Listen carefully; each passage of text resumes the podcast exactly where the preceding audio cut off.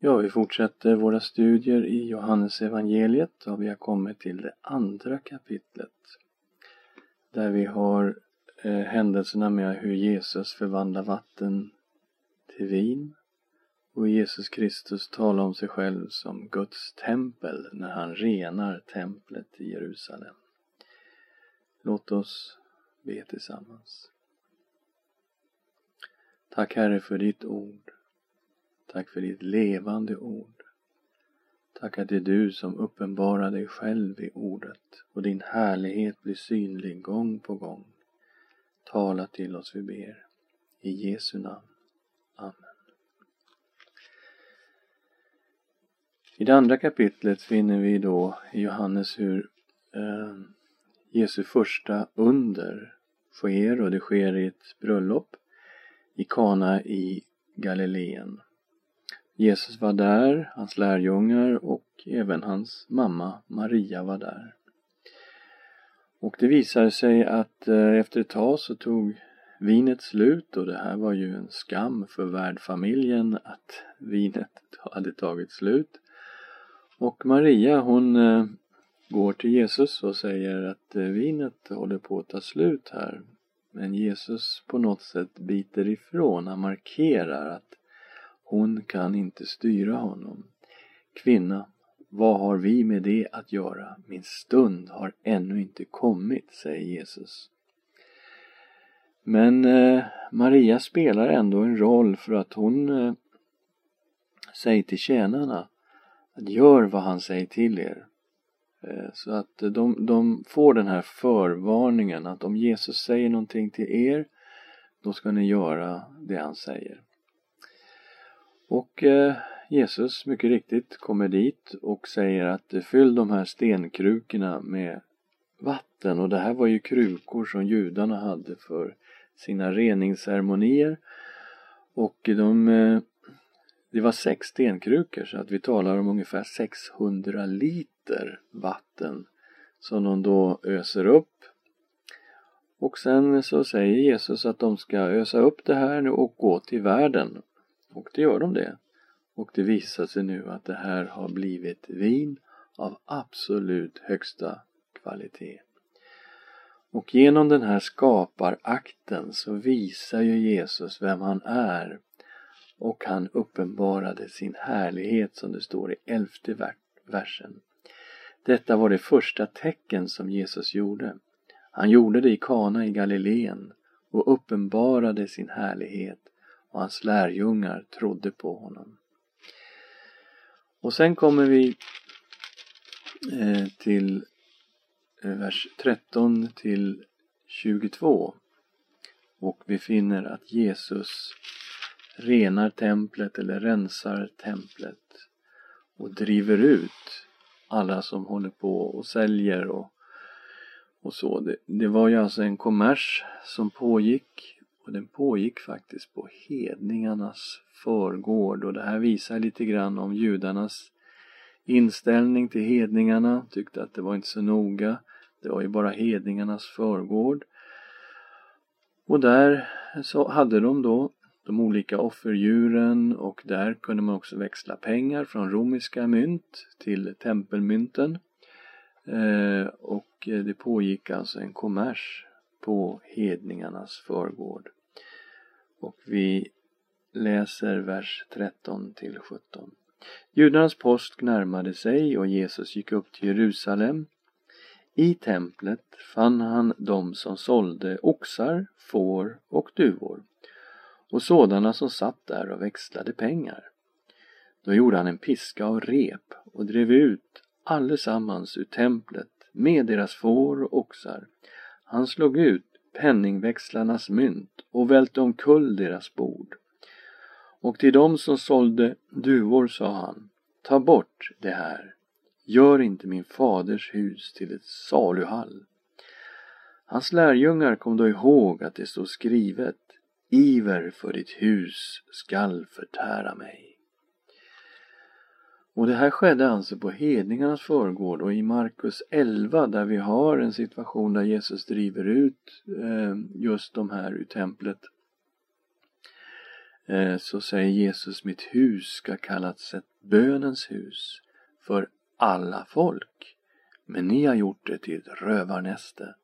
Så även om judarna inte tänkte att hedningarna var så viktiga och att man hade den här kommersen på hedningarnas förgård så rörde det Jesus oerhört djupt att bönens, att huset, templet skulle vara ett bönens hus för alla folk.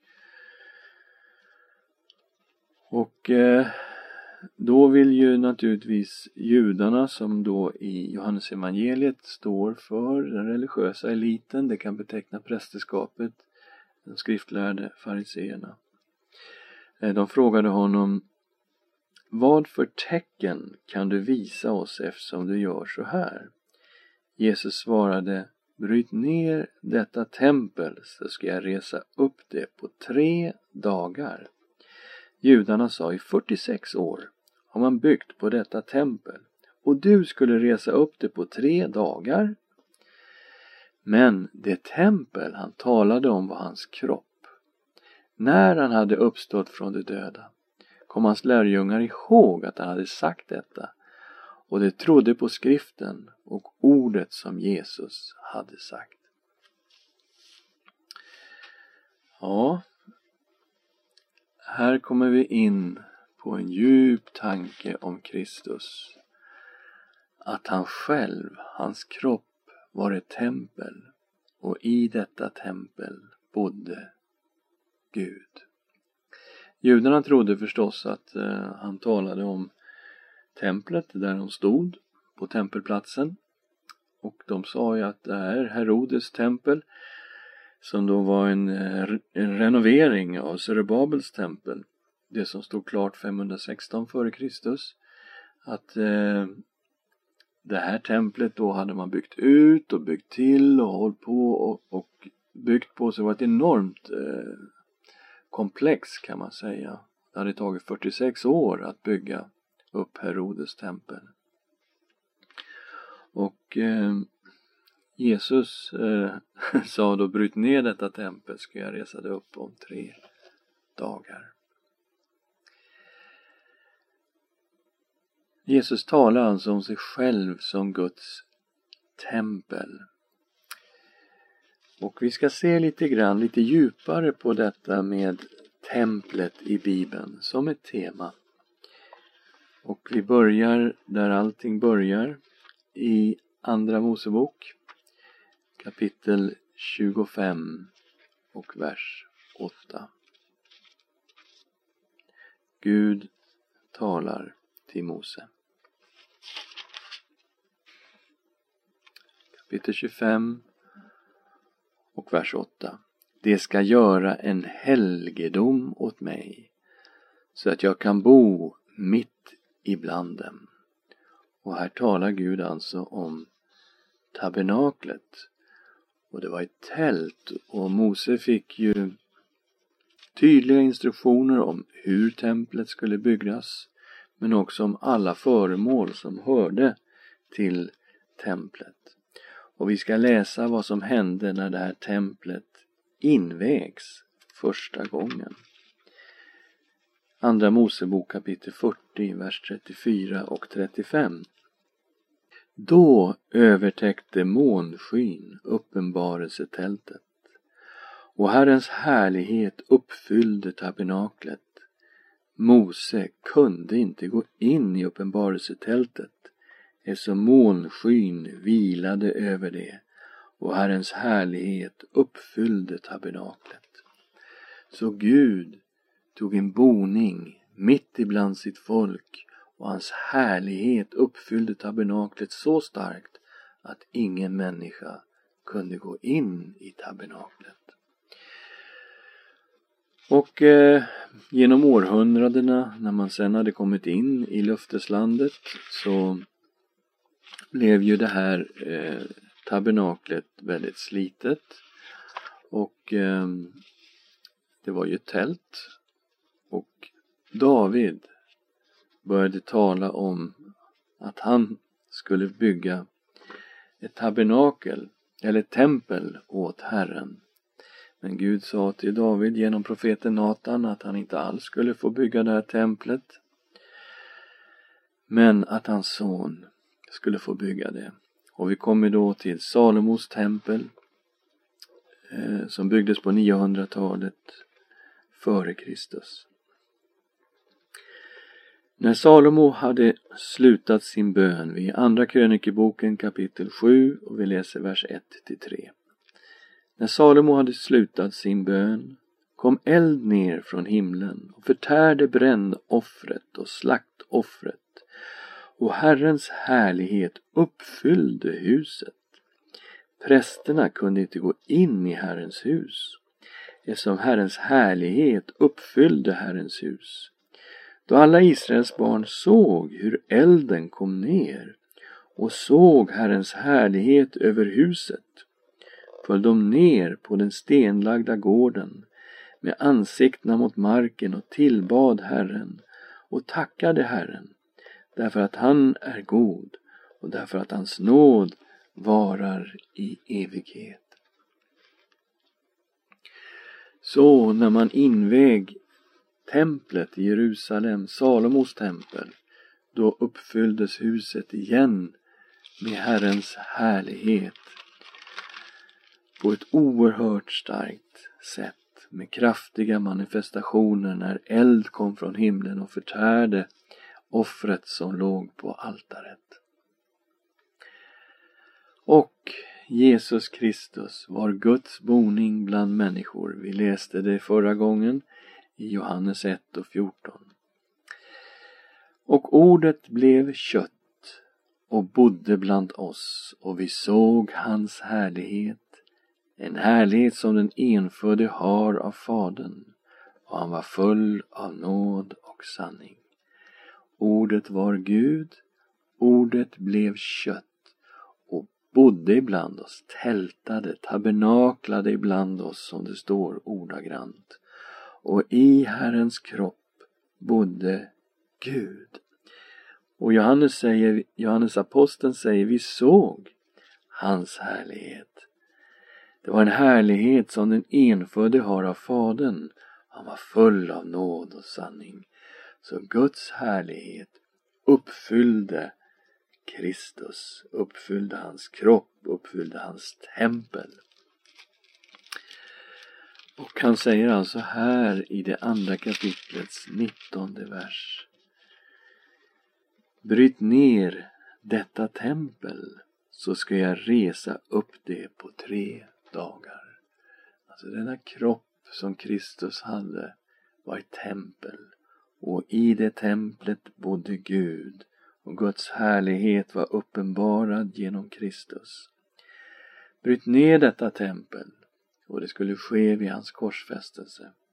Efter tre dagar så skulle Jesus säger jag ska resa upp det på tre dagar. Jag ska uppstå från de döda.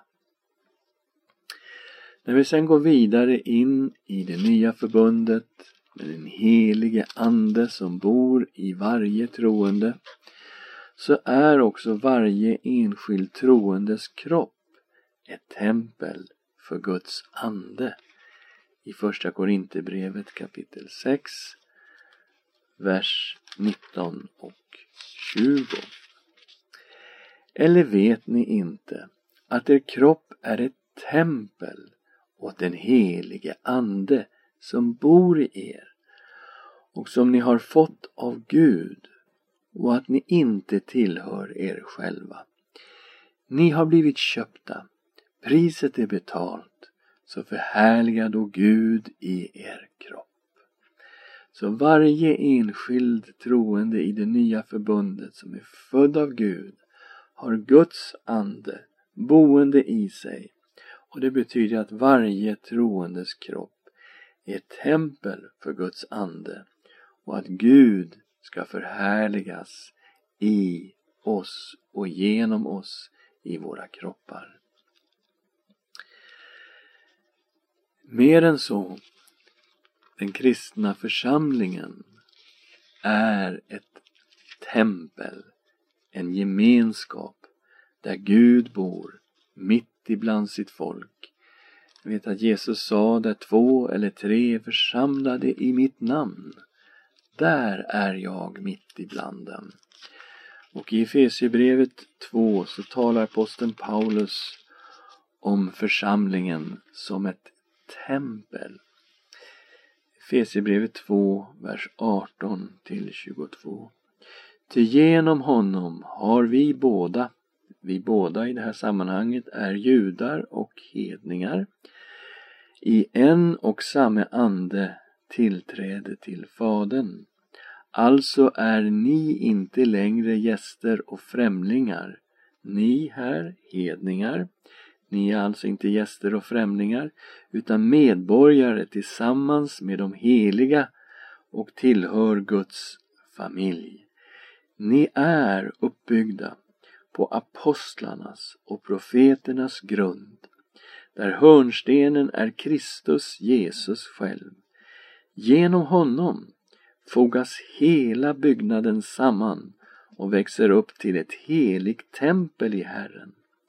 I honom blir också ni uppbyggda till en Guds boning genom Anden. Så den kristna församlingen är ett tempel där Gud bor mitt ibland sitt folk och i varje kristen gudstjänst är fokus på Herren som är mitt ibland oss och att vi tillber och lyfter upp honom som är mitt ibland oss. Gud bor ibland sitt folk. Han bor här, mitt ibland oss, i vår gemenskap. Vi samlade kring Kristus och i hans namn. Vi ser det här utvecklat också i första Petrusbrevet. Ehm, när Petrus talar först om Kristus som en levande sten som är förkastad av människor men utvald av Gud och vad som händer när vi kommer till denna levande sten. Vi, vi läser vers 4 och 5 av andra kapitlet. Första Petrus 2, 4 och 5. Kom till honom, den levande stenen, som visserligen är förkastad av människor, men är utvald och dyrbar inför Gud. Och låt er själva som levande stenar byggas upp till ett andligt hus, ett heligt prästerskap som ska frambära andliga offer som Gud tack vare Jesus Kristus tar emot med glädje. Fantastiska verser. Kom till den levande stenen som är förkastad av människor. Okej, okay, här har vi ett val att så att säga ställa oss på den sida, han som är förkastad av människor. Men kom ihåg, han är utvald och dyrbar inför Gud.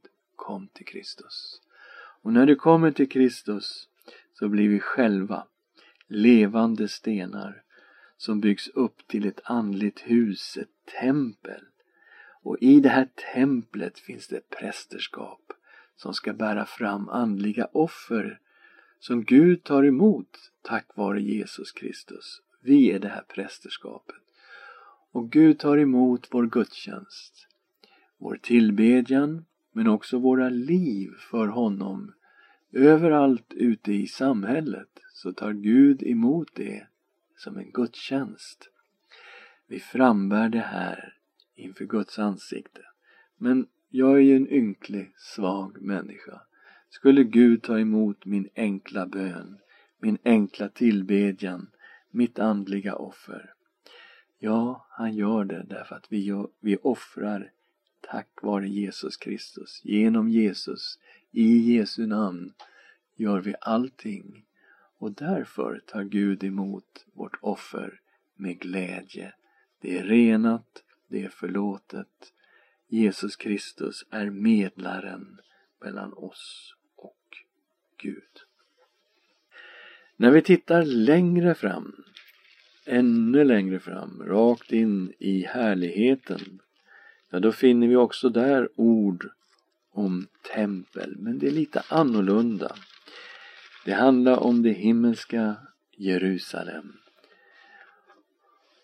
Och eh, det handlar om att där finns det inget tempel på vanligt sätt. Vi läser först Uppenbarelseboken 21, vers 3 och 4. och jag hörde en stark röst från tronen säga Se, nu står Guds tabernakel bland människorna. Han ska bo hos dem och det ska vara hans folk och han själv ska vara hos dem. Han ska torka alla tårar från deras ögon. Döden ska inte finnas mer. Ingen sorg, ingen gråt och ingen plåga. Till det som förr var är borta. Så här står Guds tabernakel bland människorna och tänk då på tabernaklet, huvudtanken, en boningsplats för Gud mitt ibland sitt folk. Och här är nu gemenskapen mellan Gud och folket fullkomlig. Han ska bo hos dem. De ska vara hans folk. Och, och han ska torka alla tårar. Det ska inte finnas någon nöd eller sorg eller plåga. En fullkomlig, innerlig gemenskap med Gud själv. Och så står det i 22 versen om det himmelska Jerusalem. Något tempel såg jag inte i staden. Ty Herren Gud, den allsmäktige och Lammet är dess tempel. Så det kommer inte finnas ett tempel på det sättet som, som fanns på jorden. Därför att gemenskapen med Gud är nu fullkomlig. Den är så innerlig, den är så nära att Gud bor ibland sitt folk och gemenskapen är perfekt. Det finns alltså inget tempel i härligheten. Templet var ju boningsplatsen för Gud och en mötesplats mellan Gud och människan. Jesus Kristus var en uppenbarelse av Gud. Han var också mötesplatsen mellan Gud och människan. När människan tar emot Jesus blir vi födda av Guds ande och varje troende blir då en boningsplats för Gud. När troende samlas i Jesu namn är han mitt ibland dem och församlingen är Guds boning. I den eviga härligheten är vår gemenskap med Gud fullkomlig. Då är han vårt tempel. Som det står, något tempel såg jag inte i staden. Det är en Gud den allsmäktige och Lammet är dess tempel. Vad underbart! Vilken fantastisk sanning. Låt oss tacka Herren tillsammans. Tack Gud för att du är en Gud som söker gemenskap med ditt folk. Att du vill vara nära. Även i det gamla förbundet så ville du bo mitt ibland ditt folk. I tabernaklet, i templet. Men tack Herre att du också kom i Jesus Kristus som tältade ibland oss människor. Herre, där, hela, där, där, där din kropp var ett tempel och du levande Gud bodde i denna kropp. Vi tackar dig också för undret att när vi tar emot dig och blir födda på nytt så bor du i var och en av oss och i den kristna gemenskapen, där bor du mitt ibland oss. Och tack för den fullhet vi väntar på i himlen. Herre, när vi ska få vara helt och fullt i gemenskap med dig, så nära att det behövs inget tempel i himlen. Tack gode Gud. I Jesu namn. Amen.